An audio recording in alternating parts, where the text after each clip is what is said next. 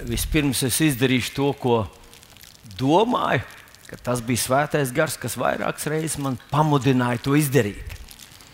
Man te rokā ir tāds neliels maišs, kur agrāk bija salvetītes, bet tagad tur ir monētas. Un es jums pateikšu, kas tur par monētām ir. Jūs būsiet pārsteigti par manu milzīgo finansiālo tālredzību. Tur ir latu monētas. Es šorīt izskaitīju vēl vairāk kā 20. Un zinot, ko tad, kad visi pārgāja uz eiro vai ne un mainīja savus latus, man gan, es laikam to noklausījos, gan, bet uh, es dzirdēju tādu domu, ka pienāks diena, kad tās latu monētas ar dažādajām tām bildītēm virsū būs ļoti vērtīgas. Un tā es mērķiecīgi sakrāju. Man ir viena monēta ar, ar arfu, viena ar vardīti, ar čiekuriņu, ar eglīti. eglīti. Kur pirmoreiz izgudroja eglīti? Pasaules galvaspilsētā, Rīgā, vai ne? Ar vienu vārdu sakot, man ir tāda neliela kolekcija ar monētām.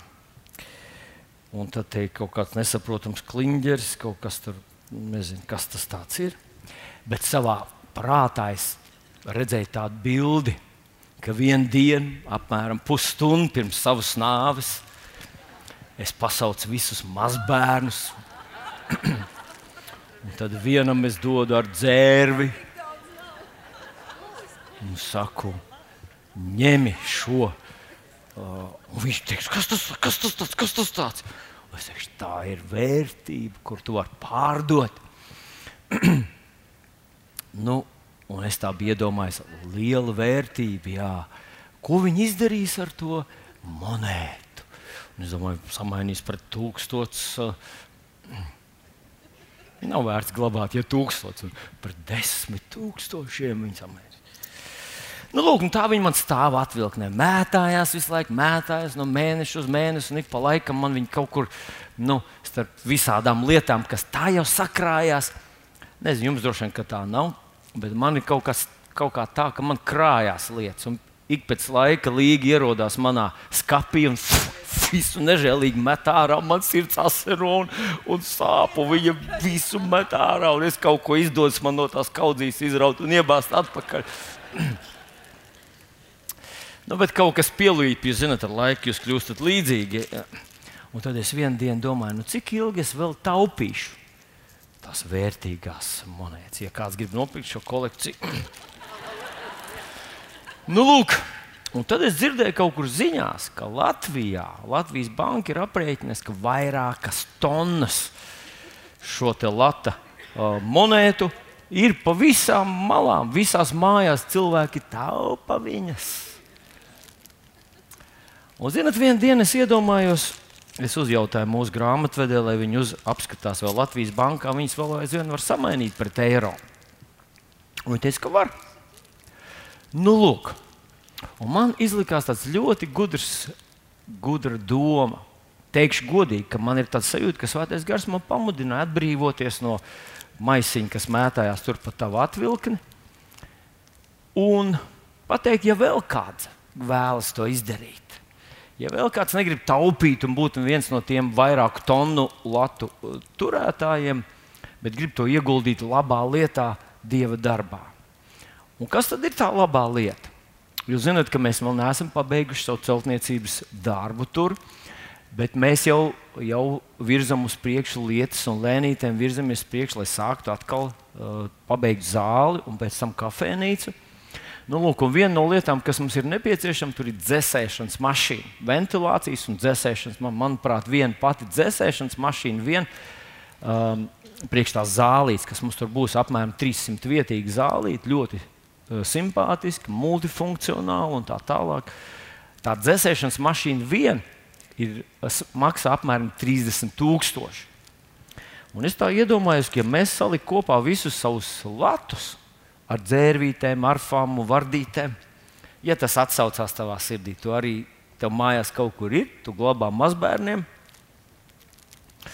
Varbūt ieguldīt to dievu darbā, ticībā, to, ka tas atgriezīsies tavā dzīvē kā svētība. Simts visādos virzienos, visādos veidos. Un ka no tā tev paliks tukšāk un tīrāks galds. Ui, saplīs mans maisiņš, redzēt. Tīrāks galds, un mēs varētu salikt kopā visus tos latus, un vienā dienā mūsu grāmatvedis aizvest uz Latvijas banku, samainīt viņus, un mēs nopirktu šo dzēsēšanas mašīnu. Tā kā atceries, kur tev ir tās dzērvītes, vardītes un eglītes, un ja tev tiešām ir tāds pārliecība, ka tev viņas jāglabā, glabā, glabā, svētī viņus un, un tur zem spilvenu un glabā. Bet, ja tu piekrīti tam, ka mēs varētu to izdarīt, un vēl tādu vienu lielu soli spērt tajā virzienā, tad tu vari janvāra mēneša laikā, tev būtu jāpieņem tas lēmums. Janvāra beigās mēs saliksim kopā, pateiksim, cik daudz mums ir vardītas un eglītes, un tad samainīsim viņus un nopirksim šo dzēsēšanas mašīnu. Labi? Nu, Paceliet rokas, kuram mājās ir. Uh, aha, aha, te jau tas tonnas sakrājās. Jā. Līga, vai tu noķers? Andri, noķer lūdzu, ja? un padod līgai tikai izbirs gan. Jā. Labi. Kurš atcerās, par ko mēs runājam iepriekšējā svētdienā? Kurš neatcerās neko? Kurš domā, ka viņš ir piedzimis vakar un sāks, sāks sekot dievam tagad? Vienreiz viens mācītājs nosauca to par zostēviņu kristiešiem. Tie ir tie, kas pamostās katru svētdienas rītu un saka, šodien sākšu, halleluja, runā uz maniem kungs. Un tā katru svētdienu. Vai ir kāds zostēviņš šorīt? Mātīte ir kāda. Brīnišķīgi. Brīnišķīgi. Mēs esam viņus pārvērtuši par ērgļiem un ērglenēm. Iepriekšējā svētdienā mēs runājam par Dieva doto vīziju, ko Dievs mums ir devis šim gadam - mīlestība, māceklība un misija. Un mēs runājam, ka, ja tu esi pieņēmis jēzu par savu, par savu kungu, tu esi gatavs nomirt. Bet tu neesi gatavs dzīvot. Jo, lai dzīvotu, tev ir jāmācās. Un Jēzus mācīja savus mācekļus trīs ar pus gadu. Pirms viņš viņus palaida, viņš viņus izved cauri vētrai, izved cauri viļņiem, viņš izved cauri brīdim, kad cilvēki kliedza, sitiet viņu nos, nogrūdīsim viņu no klints, kad cilvēki meklēja viņu pieķert. Kad 70 pienāca pie viņa un teica, ja tu šitā runā, mēs iesim prom. Mācekļi skatījās, ko tad Jēzus tagad darīs? Tomēr lielākā daļa mācītāju būtu teikt, nē, brāl, mās, lūdzu, palieciet, mēs varam to izrunāt, mēs kaut kā adaptēsim, pielāgosim visu to programmu, tikai neiet prom. Un viņi skatījās uz Jēzu, un Jēzus pagriezās pret tiem 12 un teica, jūs varbūt arī gribat iet prom.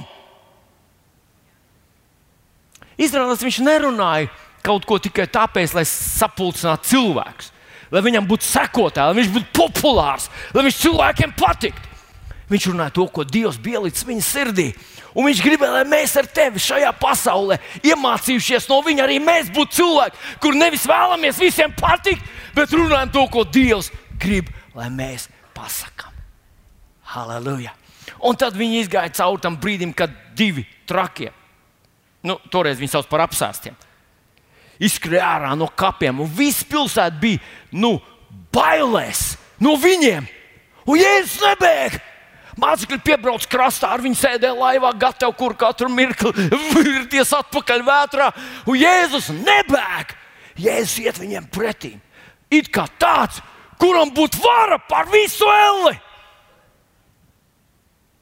Un viņi skatījās uz savu kungu. Viņi ļoti labi saprata, ka viņš jau ne jau gribēja statistus. Viņš negribēja cilvēku, kas fotografē, kā viņš to dara. Viņš sapulcināja cilvēkus, lai viņi kļūtu par mācekļiem, lai viņi iemācītos. Un kas mēs ar jums esam šajā rītā? Kas? Iebikstam, kurš sēž tev blakus, saka, es esmu šeit māceklis, starp citu. Mēs mācāmies! Mēs savā dzīvē gribam būt kristieši. Un kristieši tas nozīmē, mācekļi sāk saukt par kristiešiem, un tas nozīmē tāds kā Kristus. Tāds mazs Kristus. Mēs gribam būt tādi kā Viņš. Halleluja! Citādi nav vērts dzīvot. Vai ne? Nu, es zinu, ka tu esi kādreiz bijis uh, kapos. Un tu skaties, vienam tur tāds piemineklis, otram tur maz, maza čupiņa tikai. Bet starpības nekādas pareizi. Ko? Miroņi ir miroņi, savu dzīvi ir pabeiguši, un viss tas beidzās. Cik ar viņu nebija dižani, cik labi arī viņi nēd, tas vienā dienā beidzas. Un paliek tikai tas, paliek tikai tas, ko cilvēks ir ieguldījis dievu lietās, mūžības lietās. Mīļais draugs, viena diena arī no tevis un manis paliks. Varbūt tev būs milzīgs piemineklis, man būs maza čupiņa. Es negribu pieminekli Priekš kam? Un nopērkiet dzēsēšanas mašīnu par pieminiektu naudu Jēzus vārdā.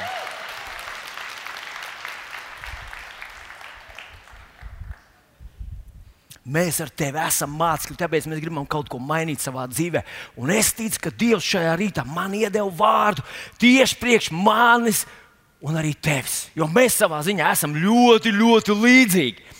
Un es ceru, ka beigās tu man piekritīs, kad mēs līdz tam būsim nonākuši. Rakstvietiņa, kur mēs iesāksim uzrakstīt Marka evanģēlijā 8. nodaļā. Marka evanģēlijas 8. nodaļa, un mēs esam jau to lasījuši. Un tāpēc būs vieglāk, jo mēs jau esam mazliet iepazinušies ar to tekstu. Bet nu, es jums nolasīšu viņu tik un tā, un uz ekrāna arī šis teksts būs redzams. Tātad Marka evanģēlijas jāstarp citu sveiciens visiem rēzekniešiem. Mēs zinām, ka jūs esat ar mums sveiciens visiem tiem, kas mūs skatāties Āfrikā, un Eiropā, un Anglijā, un, un Norvēģijā, un Somijā, un Ugālē un Popē. Jēzus vārdā mēs ticam, ka Dievs grib uzrunāt katru, katru no jums, tāpat kā mūsu šeit. Nu, bet Marka evanģēlijas 8. nodaļa. Un mēs lasām no 22. panta un viņi nāk uz Betsaidu. Atcerieties, mums bija dievkalpojums ar nosaukumu Iziet vai ārā no Vestsaidas. Un jūs atceraties, par ko tur bija runa tajā stāstā. Tātad viņi nāk uz Betsaidu. Tad tie viņam pieved kādu neredzīgu un viņam lūdz, lai viņš to aizskartu. Un viņš neredzīgo pie rokas ņēmis, to izved ārā no ciema un spļāva viņa acīs uzliktām rokas un tam jautāja, vai tu ko redzi? Vai tu ko redzi? Tātad tas ir 23. pāns. Un acis pacēlis, acis pacēlis, te, starp citu, tas acis pacēlis nav tikai tikai tā doma, tāda, ka viņš tā staigā šitā, un tagad viņš paceļ galvu uz augšu. Tur lietots uh, grieķu vārdiņš anablepo. Anna tā kā ir vēlreiz, un blepo ir skatīties. Tad viņš ska, paskatījās vēlreiz. Un šis vārdiņš tiek lietots katru reizi, kad cilvēks atgūst savu redzi. Bībelē, jaunajā derībā, visur, kur kāds atgūst savu redzi, tur ir šis lietots šis vārdiņš, paskatījās vēlreiz. Tas ir kaut kas vairāk nekā tikai vienkārši pacelt galvu. Tas ir tā kā, tā kā nu, censties ieraudzīt to, ko tu neredzi. Tur ir tā, tā ir tā doma, tā kā vēlreiz paskatīties. 24. pāns. Un acis pacēlis vai paskatījies vēlreiz. Viņš sacīja, es redzu cilvēkus, kokiem līdzīgus staigājumus. Tad viņš atkal uzlika rokas uz viņa acīm. Un te es uh, paņēmu no King Jamesa uh, tulkojumu no angļu valodā, King James. Un tur bija rakstīts tā, un lika tam skatīties vēlreiz. Vai panāca, ka viņš skatās vēlreiz? Tas cilvēks,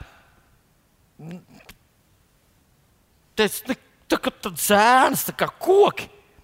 Viņš un Jēzus vēlreiz uzliek savus rokas viņam uz acīm un panāk, ka viņš skatās vēlreiz. Un viņš tā tad lika tam skatīties vēlreiz. Un tas ieraudzīja gaismu, un tāpa atkal vesels, un redzēja visu pilnīgi skaidri. Un viņš to sūtīja mājās, sacīdams, neej ciemā.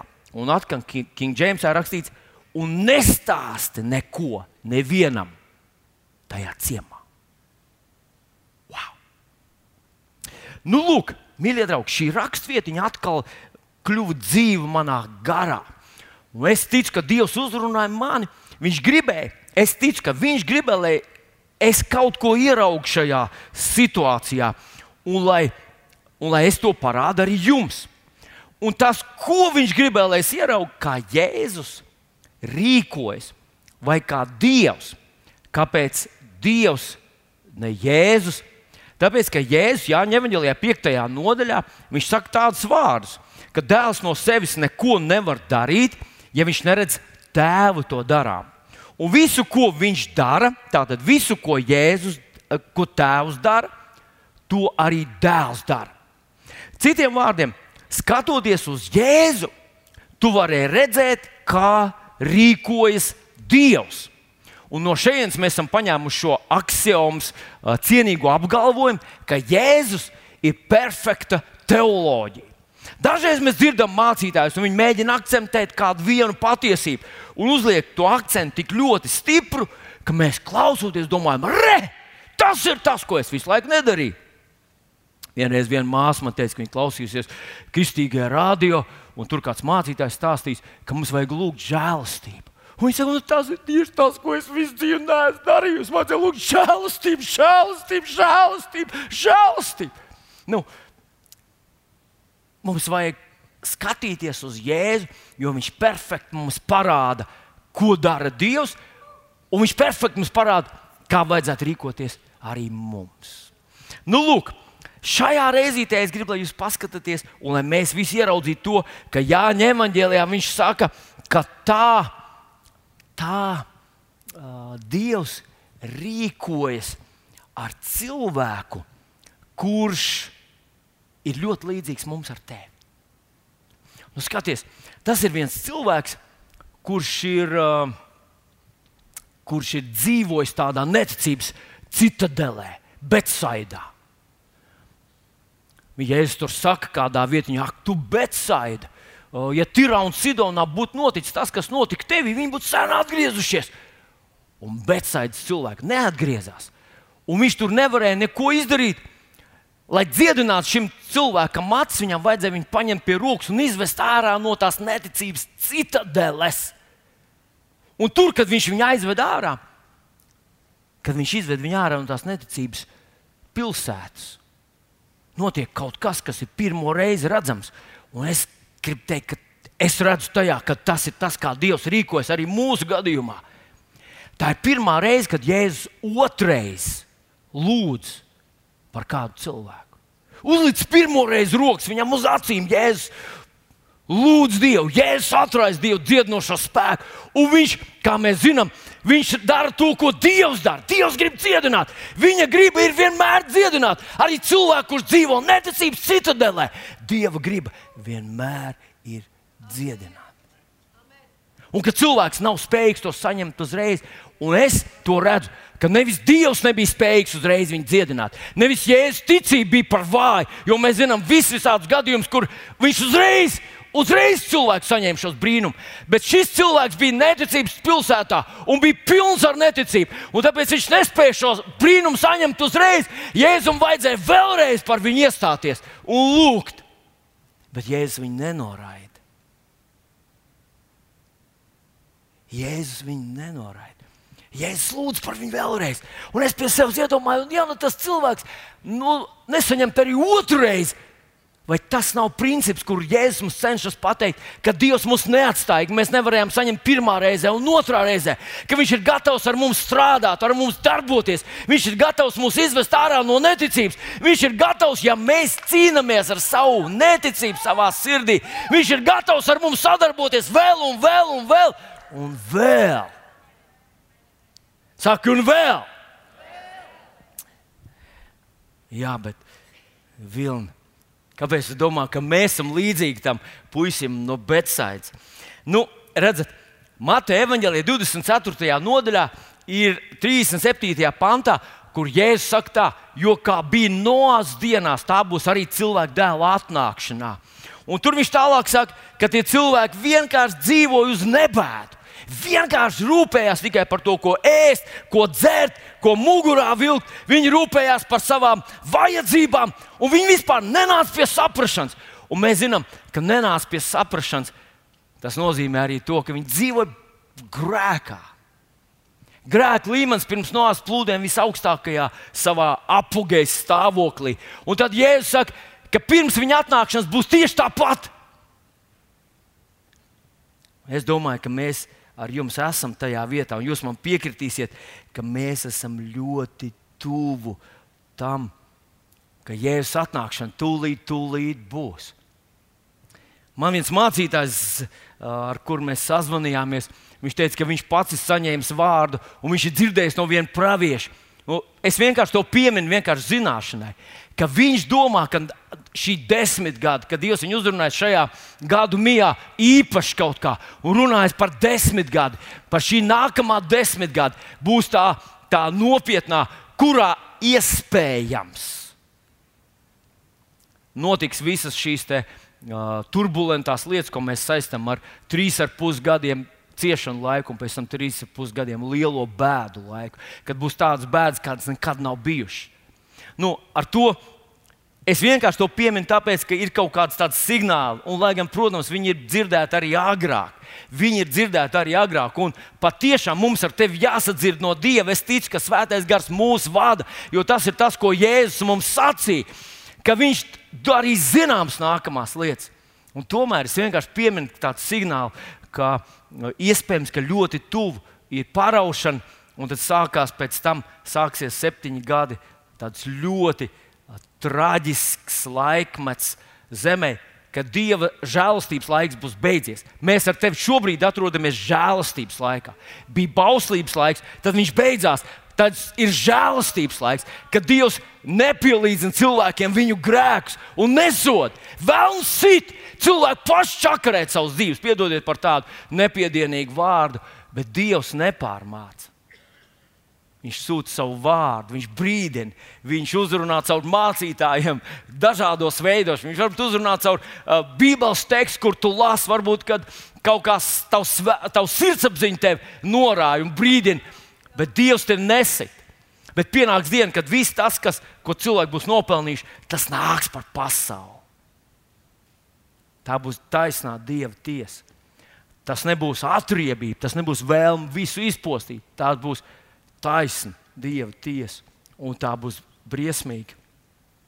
Bet es vienkārši uh, gribētu teikt, ka mēs ar jums dzīvojam šajā pēdējo laiku gaisotnē. Mēs dzīvojam tādā betsaidā. Varbūt tu man nepiekritīsi, bet, bet mēģināsim.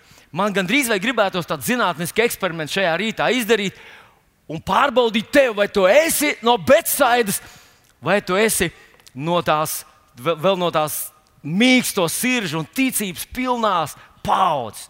Atcerieties, Jēzus kādā reizē uzrunāja, man liekas, tas bija Mateja 27. nodaļā, vai 17. Matejā, 17. nodaļā, kur viņš saka, jūs neticīgā un samaitātā cilts.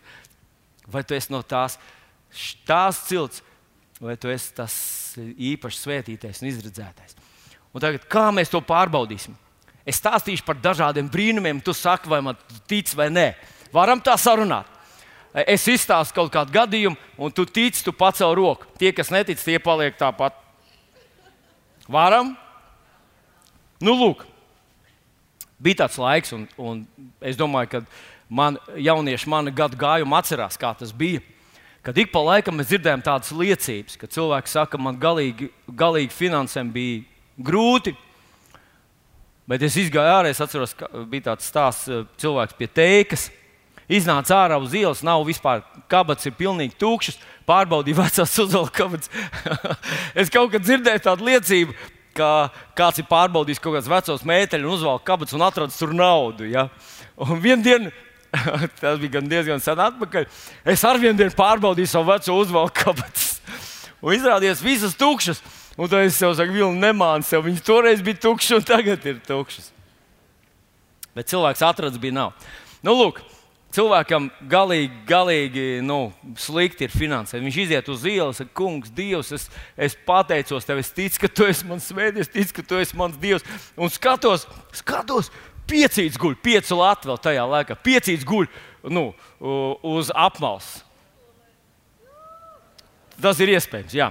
Un tas cilvēks pacēla un izstāsta to draugu. Halleluja! Dievs atbildēja uz manu lūgšanu, piecīties, atradīja, halleluja! Dievs ir varens. Un visi, yes! Vai ne? Ziniet, kad mēs dzirdējam šo liecību, es nesaku, ka viss, protams, viss tas ir tā nevar teikt. Bet ik pa laikam mēs arī kādreiz ejot kaut kur uzmetot Ja, ja tu tur gaisā, tur, tur neviens piecīs nekad nepaliek. Viņi visi nokrīt zemē. Un, zinat, ticiet vai nē, es nezinu, jaunie draugi locekļi, jūs varbūt nu, varat neticēt. Bet ik pa laikam parādījās tādas uh, liecības. Es gāju tur uz veikalu, gāju uz maisa veikalu, man nebija naudas. Skatos, semē, ha, ha! Piecīts, aleluja! Man arī brīnums manā dzīvē ir noticis. Atcerieties, mēs piedalāmies zinātniskajā eksperimentā. Jūs zināt, jau jau daži jau pie piecīšiem jau tur šitā. Nā, netic. Pagaidiet, kas notiks tālāk. Bija viens brālis, es varētu nosaukt viņu vārdu un uzvārdu, bet es to nedarīšu. Kurš stāstīja arī līdzīgu situāciju, ka viņš bija galīgi, galīgi viss bija nu, izlaucīts, viss bija tukšs un tā tālāk. Un viņš iziet ārā un iet pa ielu un skatās, skatos, viņš saka, 20, 20 lati zemē. Pieeja, saku, paceļ Paskatos apkārt, varbūt kādam izkrits. Skatos, tur taksometrs šofers stāv un skatās, man ir prasa, tas tavs. Šis saka, jā. Es pieeju, viņš saka, atdod tam taksometru šoferim, ej prom, domāju, Dievs, domāju, ka tas ir man. Nekā. Viņš saka, un skatos, vēl viens divdesmitnieks. Ticat, jā? Ja? Es jums saku, jau mazāk roku, jau vairāk tam, ko nu stāv 20. nevar atrast. Un viņš Tas puisis saka, paceļ to 20. paskatās uz taksometru šoferu, tas no tālienes man rādīja. Jā.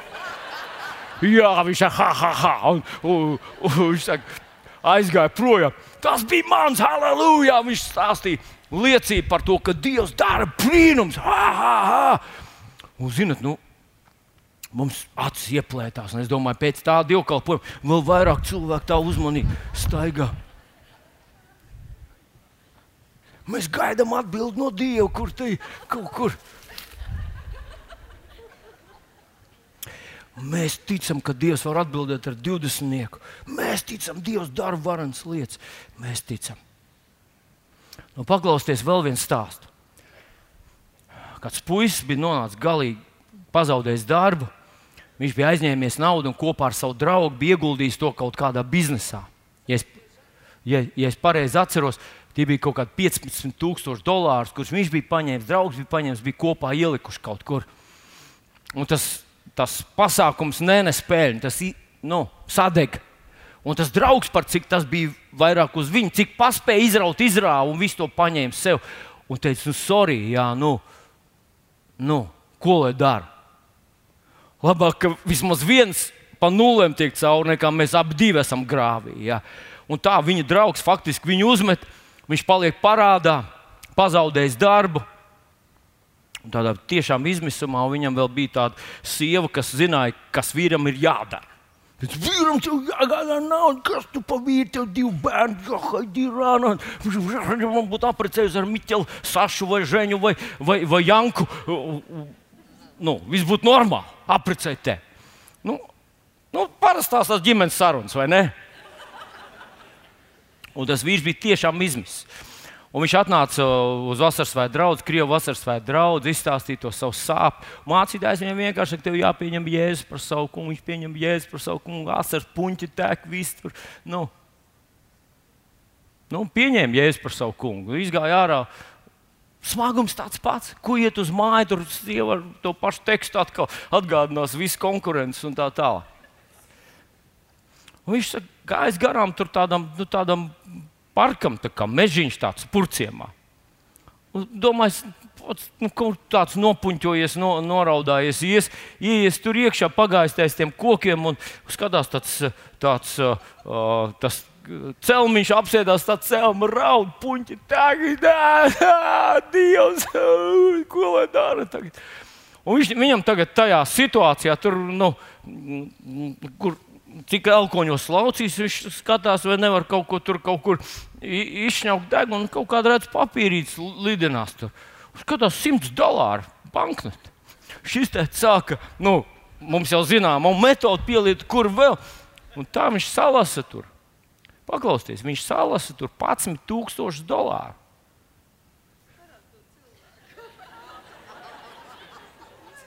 Jūs ticat? Līga jau netic, redzat, jā? Ja? Bet sāidi, es jums saku. Nu, lūk, es vakar vakarā speciāli pazvanīju tam mācītājam. Es viņam saku, paklausies, es atceros, tu stāstīji tādu gadījumu, vai tas tiešām tā bija. Viņš man vēlreiz izstāstīja to gadījumu, viņš man nosauca, nē, tepat. Rīgā, jā. Viņš man no, izstāstīja, viņš saka, to puisi sauc Aleks, viņam uzvārds tāds pats kā man. Aleksandrs Grips, Krievs. Viņš saka, viņš pēc tam dabūja to naudu, no tur salasīja, aizgāja, deva to savu parādu. Un viņš dabūja darbu pēc, pēc trim dienām. Viņš dabūja darbu par kapteiņa palīgu uz kuģa. Viņš saka, ka viņš šobrīd ir aizbraucis ar visu ģimeni uz kaut kur dzīvo Itālijā vai kaut kur tur. Bet viņš saka, tas ir reāls cilvēks. Viņš, protams, es neredzēju to naudu. Bet pēc vairākām dienām man pazvanīja viņa sieva un teica, mūsu ģimenē ir noticis šī tāda lieta. Es arī gribu atnākt, kad es varu atnākt, pieņemt jēzu par savu kungu ar saviem bērniem.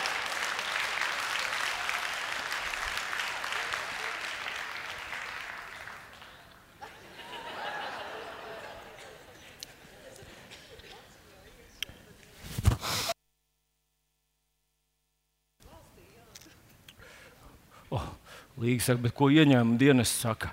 Viņi netic, ieņēmuma dienas tā netic, ka tā notika. Viņi saka, tas ir sadomāts. nu, lūk, tā tad nākošais gadījums. Vienai mammai bija narkomāns dēls. Viņa tagad pieņem jēzu par savu kungu. Viņa bija kaut kur polijā aizbraukusi uz. Uh, uh, Aizmirst uzreiz Davida Vilkersona sapulcēm. Viņa pieņem tur jēzu, viņa sadzird, ka Dievs viņu uzrunā, viņa saprot, dzird visu par Dieva lielajiem darbiem. Un viņi iznāk tur priek, priekšā pie tiem amerikāņiem, kas tur sludina, mēģina tikt tiek līdz kaut kādam tur, kaut kur līdz kādam uz saka, man ir narkomāns dēls. Viņam vajag palīdzību, viņš pats neatbrīvosies. Ja, ja varētu viņu izraut ārā no tās vides un aizvest uz Ameriku, uz Bībeles skolu, viņi tur stā, stāstīja par to Bībeles skolu, kurā trīs gadi, divi gadi mācās, un tad vienu gadu. Nu, uh, Tā praksa, jā, kalpošana kaut kur. Ja varētu, viņi saka, atbrauciet te uz Rīgā, aiziet pie tā un tā mācītāja. Viņam, mums ar viņu ir kontakts. Ja viņš teiks, ka, ka lai mēs jūs pieņemam, mēs pieņemsim to puisi. Viņi atbrauc te uz Rīgā, aiziet pie tā mācītāja un stāst viņam, ka šī tā un tā, tas, tas puika tur tāds narkomāns, un, un viņš netiks pats ārā. Tā vide ir tik ļoti stipra viņa tur, un viņam nav tāds raksturs. Un, un, nu, Viņš saka, ka nu, tā sirdī tāds mājiņš, ka ļauj tam puikam, lai gan nu, narkomāns parasti nesūta uz, uz Bībeles skolu. Viņš saka, nu, man tāds sajūta, ka Svētais Gars saka, lai viņš atnāk. Viņš saka, lai tas puika atnāk. Tas puika atnāk, latviešu puika, knapi, slikti runā krieviski. Un tā viņš saka, ne, nu, Tu vari mēģināt, nu, re, kur ir tā anketa, tur ir tie noteikumi, izlasīt tos visus. Un es no savas puses uzrakstīšu rekomendāciju, lai tevi paņemtu tur. Nu, Vārds, kad viņš aizpilda anketu, mācītājs uzraksta savu rekomendāciju, aizsūta uz Ameriku. No Amerikas atnāk tā ziņa, jā, mēs tevi ņemsim, bet nu, tev jāizpild visas tie, tās prasības. Un tā viena no prasībām ir tāda, ka viņam kontā jābūt, viņš brauc uz turieni, bet viņam kontā jābūt 1000 dolāriem kā garantija tam, ka viņš nu, izdzīvos tur Amerikā. Viņš ir 1000 dolāru. Nu, es varētu eh, divas blūzas saķert, varbūt savā tukšajā kabatā, bet ne jau 1000 dolāru. Un viņš teica, izstāsta savai mammai, viņa ap divu mājās lūdz Dievu un gavēja trīs dienas. Viņa gavēja trīs dienas, Dievs. Mamma, protams, saka, es redzu, ka tā ir iespēja man izraut manu puikiņu, viņš iet bojā. Dievs, es zinu, ka tev ir kaut kāds risinājums. Un tas puisis vienā vakarā iet gar operu. Gar operu vienkārši tur gar to, kas tas ir. Ne vērmans dārsts, bet Kas pie operas pa dārzu? Nu, vienalga, jūs zinat to. Kas tas ir pa dārzu? Kas? Operas skvērs. Jā, pareizi. Paldies. Viens inteliģents cilvēks mūsu draugs. Iet gar operas skvēru, viņš saka, man nāk pretī viens cilvēks un saka, hei, re, kur tas ir jums, un iedod viņam aploks. Tas puisis saka, man, jā, jā, jums. Viņš atver vaļā to aploku, skatās, tur, tur ir dolāru kaudze. Viņš pagriežās, lai tam cilvēkam pateiktu paldies, un neviena nav. Viņš aiziet mājās, izskaidro, tur ir 1000 eiro, tā lai viņam būtu 1000 dolāru un vēl bišķiņi paliek pāri. Viņš saka, ziniet, ko? Tas bija Dievs, kurš sūtīja savu eņģeli un ielika mums rokās glābšanas biļeti šim puikiņam. Tas puika aizbrauca uz turieni, pabeidza visus tos trīs gadus, nomācījās, atbrauc šeit atpakaļ. Šobrīd viņš Rīgā ir viens no mācītājiem, vienā no draugiem. Es nenosaukšu viņu vārdu. Bet tas ir konkrēts gadījums. Ziniet, par ko es, es runāju? Kāds varbūt teikt, hei, hei, tā nenotiek. Tā nenotiek. Tā nenotiek. Dievs, Dievs vai, tad, vai tad tie brīnumi, kurus Dievs dara, nav piecīts uz ielas pie taksometra izkrits kādam biezēm, kurš kāp un, un vilk ārā roku no kabatas. Un... Vai mēs ticam, ka Dievs var darīt lietas, ar kurām mēs ar jums neesam saskārušies? Vai mēs spējam tam ticēt?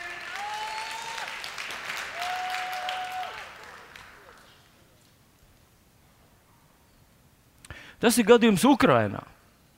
Viena māsa stāsta, ka Dievs pamudinājis viņu braukt uz kaimiņu ciemu, tur uz kaut kādu dievkalpojumu. Un viņš tā saka, tur vietējiem ticīgiem brāļiem, ka Dievs man tā uzrunāja, ka mums jābrauc, tur būs viesis, un mēs tur tiksim svētīti tajā dievkalpojumā. Tas saka, mēs varētu braukt, bet mums nav benzīna. Nav benzīna. Ko lai mēs darām, kungs, ko lai mēs darām? Māsa svētais gars man saka, ielieciet ūdeni, ies ar ūdeni mašīna ies ar ūdeni. Viņš saka to tam brālim, paklausies, svētais gars man teica, lai mēs lejam ūdeni iekšā, ka mašīna brauks ar ūdeni. Tas brālis dara tā, kā Andris, re, kur tur sēž uh, profesionāls automehāniķis. Saka, Viņi saka, nu, zini, ko lūgsim, lai Dievs mums dod vairāk ticības, lai Dievs jau dod vairāk ticības. Un viņi lūdz, ko kungs dod brālim ticību, dod brālim ticību. Viņš, klausoties tās lūgšanas, domā, nu, es jau nu ne, nebūšu dieva darba kavēklis. Viņš aiziet pagrābt no upītes, ūdeni ielēp bākā, iedarbina mašīnu, un visi aizbrauc uz turieni un atbrauc mājās. Atbrauc mājās, māsa, bet tagad gan vairs ūdeni nelēja. Jā, jā, viņš man iepatikās. Nē, es tagad ar ūdeni braukšu. Vai tu tici, ka mašīna var iet ar ūdeni? Uu, mēs pazaudējām trešdaļu. Mēs pazaudējām trešdaļu. Ziniet, mēs it kā zinām visu, ko, ko nu, mēs it kā zinām visus tos dabīgos likumus, kas notiek, kad mašīnā ielai ūdeni, un mēs sakām, ka tas nav iespējams kad mēs nezinājām, kad mēs zinām, ka vienkārši kaut kas jāielēj tur. Mums bija vieglāk noticēt, pareizi. Ielēj tā kā vienmēr mašīna piemānīja, guļ, guļ, guļ, guļ. Viņi dzird, kā tu lej, viņi ies. Bet šķiet, ka tās mūsu mazās, nelielās zināšanas, tās mūs padara par, par Betsaidas iedzīvotājiem. Mēs, un, protams, Dievs var piecīt atbildēt. Bet vai viņš var naktas vidū uh, 11,000 nomest no eglis. Vai viņš to var izdarīt? Nu, paklausieties, vēl viens stāsts. To es uh, esmu lasījis stāstā par Smitu Viglsfortu. Droši vien arī esat dzirdējuši tādu kalpotāju un lasījuši viņa grāmatu. Smits Viglsforts ļoti ticēja, ka tam, ka tad, kad tu kaut kam tici, ka tev uz to ir jārīkojas. Bez rīcības viņš teica, ticība ir nedzīva. Ja tu tici, ka Dievs tevi ir svētījis, tad tu kaut ko darīsi. Ja tu tici, ka viņš palīdz tev nu, kaut kādās lietās, tad tu rīkosies.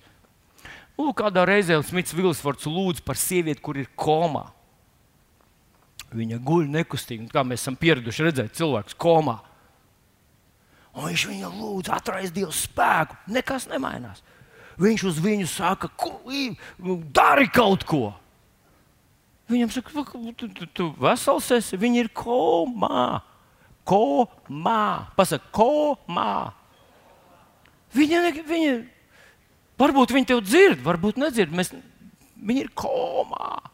Viņi saka, viņi var kaut ko izdarīt. Viņai jāvar kaut ko izdarīt. Un viņš kliedz uz to mironi, dari kaut ko ticībā. Tā sieviete guļ un mazliet pakustina mazo pirksti. Viņa ir halleluja, slavu Jēzum! Viņa rīkojās ticībā. Viņa nomirst. Smits Viglsvārds paņem viņu izdabū ārā no gultas un iestutē stūrī. Un saka, viņai staigā, pagriež muguru, tā sieviete stāv stūrī. Nu, jūs zināt, kad nomiruši cilvēki iestutē stūrī, viņu pabam! Un tagad tu saproti, cilvēks bija slims, komā, vēl nomiris, un tagad nu, nu, tur vispār ir biespiens, vai ne? Ar to viss ir beidzies. Smits Viglsfords viņu uzstutē vēlreiz un saka viņai, staigā Jēzus vārdā. Es neatceros, vai tas bija otrajā reizē vai trešajā reizē. Sieviete no tā stūra, no tā stūra iziet ārā un aiziet un atdzīvojas. Wow! Draudz, jūs man nogāžat gar zemi. Bet ir cilvēki, kas teikt, nē, nu, nu es nezinu. Paklausieties vēl viens stāsts. Viens brālis aizbrauca uz Austrāliju. Nu, nu, tikko, tikko mums sagrūva visi tie uh, komunisma mūri. Mēs bijām visi, mēs bijām bagāti darba ļaudis. Mums visiem bija vienādas kurpes, vienādas bikses. Mums nebija uh, mašīnas. Mēs visi bijām biedri. Halleluja! Cik labi būt biedram! Viņš aizbrauca uz Austrāliju, tur bija liela draudzene, tūkstoši cilvēku draudzē, bagāti visi. Tur brauc ar tādiem limuzīniem, aizved šo nabaga mācītāju uz restorānu. Uz ļoti dārgu restorānu. Viņi grib viņam radīt kultūras šoku un parādīt, cik ļoti svētīti viņi ir. Ļoti lielā restorānā, ļoti dārgs restorāns. Viņam līdzi ir 20 cilvēku kalpotāju komanda, un te šo aborigēnu, aborigēnu sēž tur starp viņiem. Nu, viņš saka, nu, pastāst kaut ko, kā tur jums iet. Un viņš stāsta šādus gadījumus, ka mēs tur braucam bez benzīna uz dievkalpojumiem, un mums tur dievs tur met naudu zemē, un mēs pēdam vienu reizi un trīs nedēļas dzīvojam. Nu, kaut ko šitāds stāst. Viņš saka, tie cilvēki tur apkārt sēž pie tā tajā restorānā. Visi, jā. jo mēs domājam, nu, ko tu tur mūldi pareizi. Nu. Mēs arī ticam Dievam. Neko viņš nedara. Nu, piecīt, varbūt reiz pa reizē no tūkstotis diviem izdodas um, atrast. Nu, viņš saka, tagad mēs tur sēžam, sēžam, sēžam, runājamies. Pēkšņi pienāk oficiāls, ziniet, ir notikusi misē, kas mēs esam pazaudējuši jūsu pasūtījumu. Lūdzu, lūdzu, atvainojiet, mēs visu to izgatavosim. Vēlreiz pieraksta visu, ko vajag. Un saka, ziniet, lūdzu, tikai nedusmojieties, tas viss būs pavēlts tiem austrāliešiem visiem šitādi. Un tas aborigēns viņam prasa, jums tā vienmēr ir.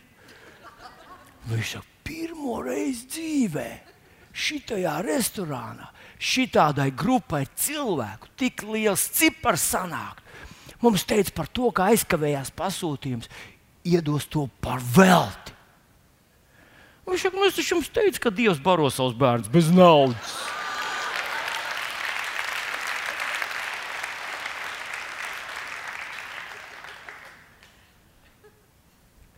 Zini, kāpēc es visu to stāstu?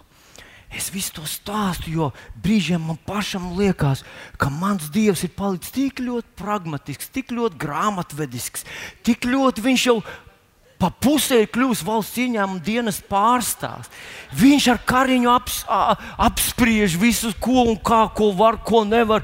Un viņš ievēro visus attieksmes noteikumus, visus tos labus uzvedības un visus tos pragmatismu likumus.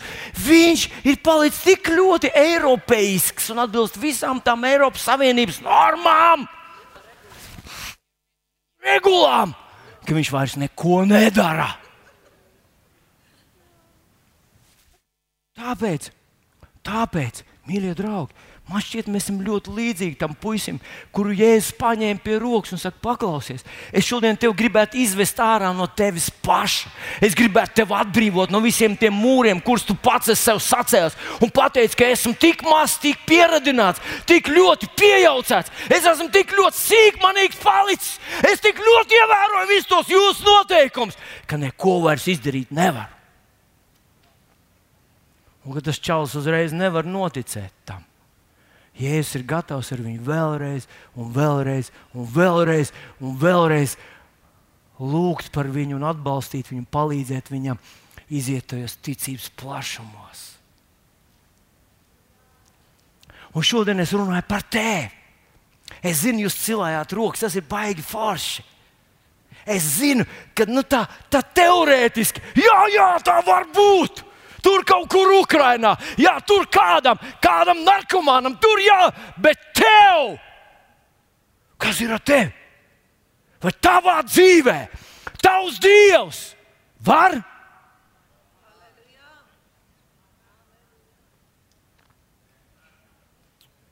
Halleluja! Paskatieties, rakstu vietiņu, kur mums ir atstājis apstāsts Pāvils Eveziešu vēstulītēs uzlika uz ekrāna jaunās, jaunā tulkojuma variantu, jo man liekas, viņš tāds, viņš tāds uh, kliedzošāks. Viņš tā kā ielaužās tajā mūsu uh, pareizajā, sakārtotajā neticības teoloģijā un saka tā, ka Dievam, kas ar savu revidētais saka, savu brīnumaino spēku. Darbodamies mūsos, spēj darīt neizmērojami vairāk nekā mēs lūdzam vai nojaušam.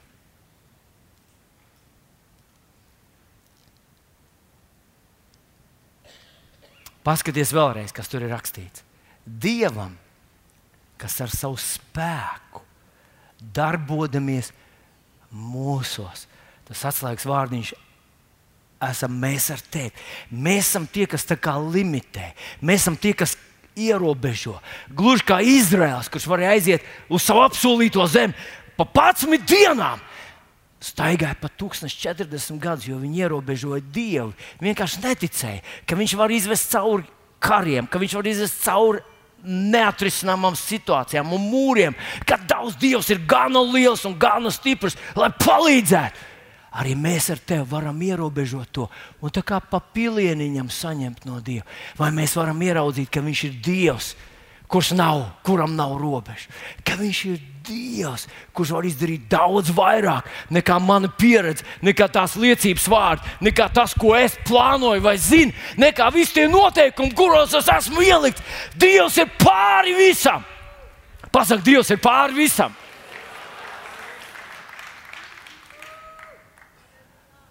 Neizmērojami vairāk. Paklausies, draugs! Es zinu, ka tu sagaidi kaut ko no Dieva. Es zinu. Es zinu, ka tev vajag kaut ko no Dieva. Es zinu, ka tev ir kaut kāds ticības mērs, jo tu šajā svētdienas rītā esi atnācis šurp. Tu te sēdi, vēl neesi aizmirsis, centies saprast, ko tas vilnis cenšas šorīt tev pateikt. Tev ir šis ticības mērs. Un tomēr paskaties, viņš saka, neizmērojami vairāk. Caur tevi tu atraisi to, tu pasludini to, tu paplašini savus redzes. Uh, um, tos um, apvāršanas. Tu redzi savu dievu kā dievu, kā radītāju. Dievu, kuram ir atbilde katrai bezizējai, kuram ir izēja no katras strupcē. Tu redzi dievu, kuram ir atbilde nabagam un dievam, kuram ir atbilde miljonāram. Dievam, kurš var sadarboties ar cilvēku ar trim augstākām izglītībām, un Dievu, kurš var palīdzēt no strupceļa iziet analfabētam. Dievs ir tas pats Dievs, neizmērojami vairāk. Šorīt Viņš grib paplēst tos tavus priekšstats par viņu. Viņš grib sagraut to tavu veco kastīti, kurā tu dzīvo, no kura tu gaidi no dieva kaut kādu nelielu uzlabojumu. Es gaidu, bet tas saistīts ar tu un viņš. Tas ir duets, tā ir sadarbība. neizmērojami vairāk par visu, ko lūdzam vai nojaušam. Vai tu vari pateikt, ka Dievs manā situācijā, tavā situācijā var darīt neizmērojami vairāk? Nekā es lūdzu vai nojaušu. Wow! Uh! Uh! Nu, paskaties, es parādīšu vienu tādu situāciju. Labi? Turpat Mateja evanģelijā 21 nodaļā, no 13 līdz 16 pantam, es izlasīšu raksturvietiņu, kurā notiek kaut kas neizmērojami vairāk. Un mēs ieraudzīsim iemeslu, kāpēc tas tā notiek. Nu, ko tad mēs te lasām? Mateja Evanģelijas 21. nodaļa, mēs lasām 14. pantu. Es gribētu sākt. Un akli un tīzli nāca pie viņa templī, un viņš dziedināja tos akli un tīzli nāca pie viņa templī, un viņš dziedināja tos. Bet augstie priesteri un raksturmācītāji redzēja brīnumu darbus, ko viņš darīja, un dzirdēja bērnus templī, kliedzam un saucam Ozjāna, Dāvida dēla. Tad tie apskaitās un sacīja viņam, vai tu nedzirdi, ko šie saka? Un Jēzus saka tiem, dzirdu gan. Vai jūs nekad neesat lasījuši no bērnu un zīdaiņa mutes, tu sev slavu sagādi? Vai tu redzi to šeit? Kas man ir jāredz vilni? Te ir tāda unikāla situācija ar to, ka tas notiek templī, kurā biezā slānī rakstu mācītāji un varizēji, kuri ne tikai netic, kurus vienkārši tracina tas, ko Jēzus dara. Un paskatieties, ja iepriekš Jēzum vajadzēja izdzīt ārā tos, kas neticēja izvest viņus ārā un izdzīt. Nu, piemēram, Jāir, kad viņš iegāja pie Jāira, tur bija vesels pūtēju, stabulētāju un raudātāju bars. Un Jēzus viņus visus izdzina ārā, jo viņu neticība ietekmēja viņa darbu. Viņš nevarēja izdarīt. Nu, gluži kā mēs lasām Marka evanģēlijā, 6. nodaļā, 5. un 6. pantā, kur viņš saka, aizgāja uz vienu pilsētu, un viņš tur nevarēja neko darīt, un viņš brīnījās par viņu neticību. Viņu neticība apstādināja Jēzu, lai viņš izdara to, kas viņam kam viņš bija svaidīts, kam viņš bija sūtīts darīt. Šajā situācijā ir kaut kas līdzīgs, bet Jēzus nevar izdzīt tos raksturmācītājus un varizējus, jo tā ir tā viņu vieta, tā ir tā viņu mītne. Un viņš tur viņu priekšā, par spīti viņai šai neticības opozīcijai, viņš dziedina un glābi cilvēkus. Bet tur ir vēl kāds ļoti īpašs apstākļs. Tur ir blakus cilvēki, kas slavē, un kliedz un sauc uz Jānu. Un viņi viņam saka, kas, kas paliek, kāpēc tas tā notiek. Un ja es saku, ka Dievs ir sagatavojis slavu sev caur šiem cilvēkiem. Un viņš, viņš, ko tad viņš dara? Viņš citē 8. psalma vārdus. 8. psalmā ir tieši tas pats teikts, ka Dievs ir sagatavojis pretspēku saviem pretiniekiem un liktu apklust saviem naidniekam un atriebējam.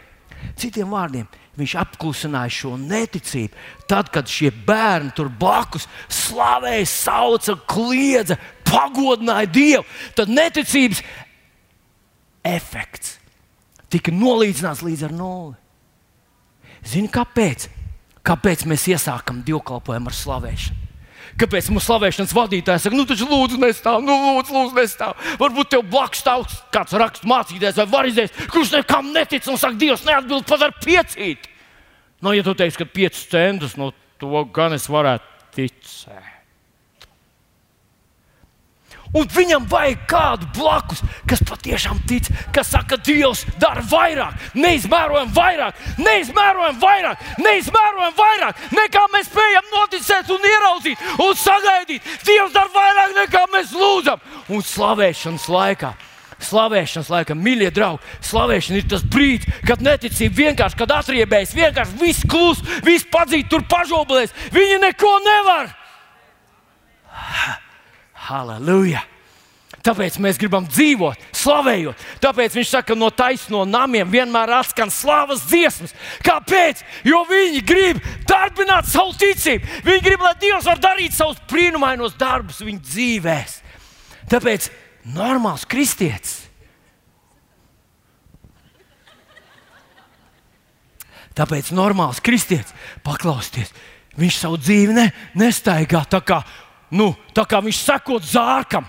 Jūs esat bijuši bērēs kādreiz. Visi iet aiz zārka, tur kaut kur runā, ko tu darīsi šo, šovasar. Ai, es braukšu uz turieni. Nu, bet tur neviens nesajūsminās. Pareizi. Kur mēs ar jums esam atnākuši? Kur mēs ar jums? Mēs esam atnākuši Dieva namā. Viņš, viņš, viņš nodibināja šo draugu. Priekvēsts ir dzimis no Dieva. Viņš ir šeit, viņš grib kaut ko darīt. Hei, mums ar tevi būtu jābūt cilvēkiem, kas ir halleluja! Mēs zinām, viņš ir vairāk, vairāk, vairāk, vairāk, vairāk! Hei! Nu, varbūt, ka tev nav nekāda vajadzība, tev viss ir normāli, tev vēl uh, 30 eiro palika pāri no iepriekšējā mēneša, tu jau tuliņ būs 60 sakrājis, halleluja, tu jau esi starp biezajiem, tev viss ir ok. Bet varbūt kādam blakus ir vajadzīgs kaut kas vairāk.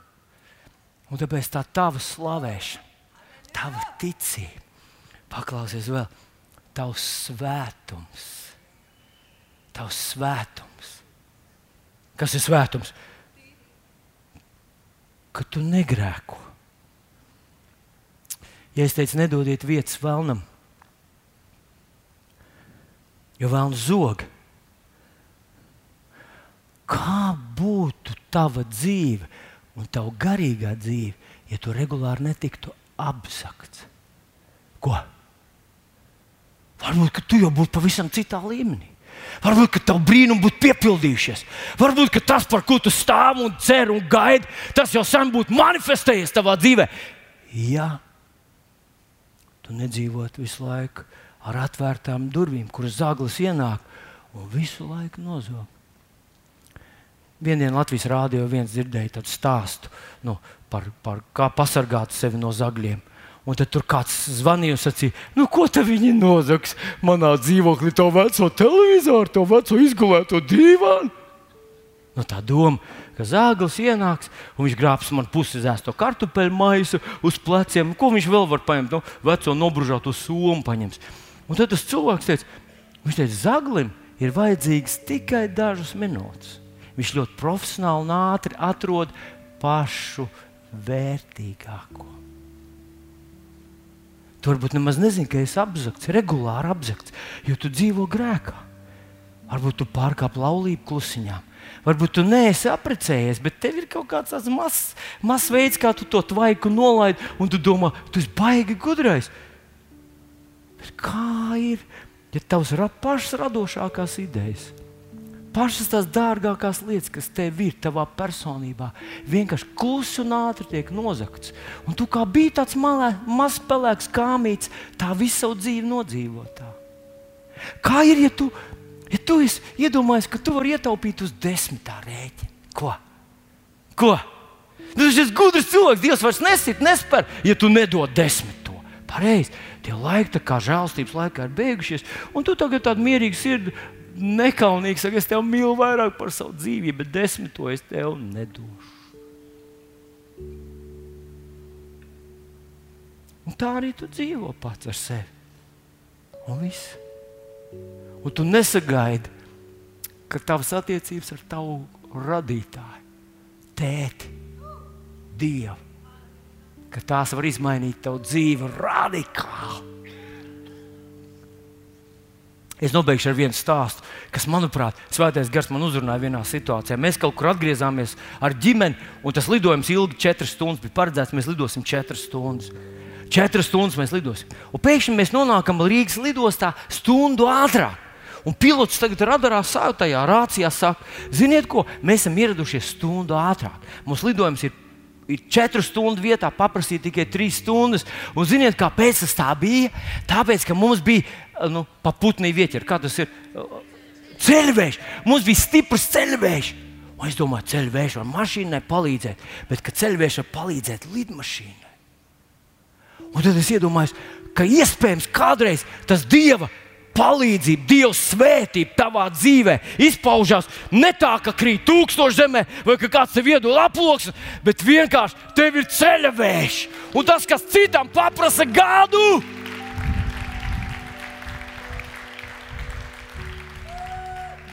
Kādam tas prasa gadu, tev tas aizņem dažus mēnešus. Vai vēl labāk, kādam tas prasa trīs gadus, bet tu to dabū gatavu pa nedēļu. Un tev tās ģeniālās idejas, viņas tā kā rieksti atnāk. Un citi tev apskauž, ka tev gan ir labi, tev tur viss pamats. Bet tu saki, es esmu tāds pats cilvēks kā jūs. Neparasts cilvēks. No debesīm nāca debesis man palīdz. Jo es sagaidu, ka viņš ar savu spēku darbojamies manī darīs neizmērojami vairāk. Neizmērojami vairāk. Neizmērojami vairāk, kā es lūdzu vai nojaušu. Un tas ir tas, kā viņš darbojas ar tevi. Ar mazo ticību, cilvēks ar mazo ticību, ar mazo cieto sirdi. Dievs nepamet tevi, neatstāja tevi, nepagriež muguru. Viņš nesaka, man ir apnicis ar tevi, tu esi tāds trūls, tik lēns, tu esi tāds cietpaus. Nē, viņš staigā tev līdzi, izvedis tev ārā no tās, no tās betsaidas. Un viņš saka, nu, davai, nu, davai vēlreiz, nu, vēlreiz, notic vēlreiz, nu, ļauj man vēlreiz, uzticies man vēlreiz, paplašini savus redzes augstus vēlreiz, padodies man vēlreiz!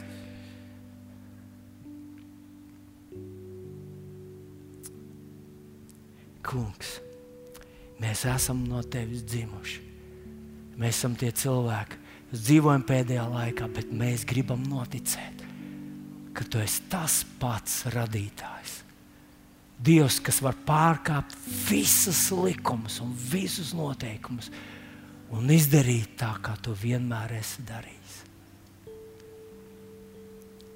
Šajā rītā mēs padodamies Tev, Svētais Gars. Tu gudrības un atklāsmes gars.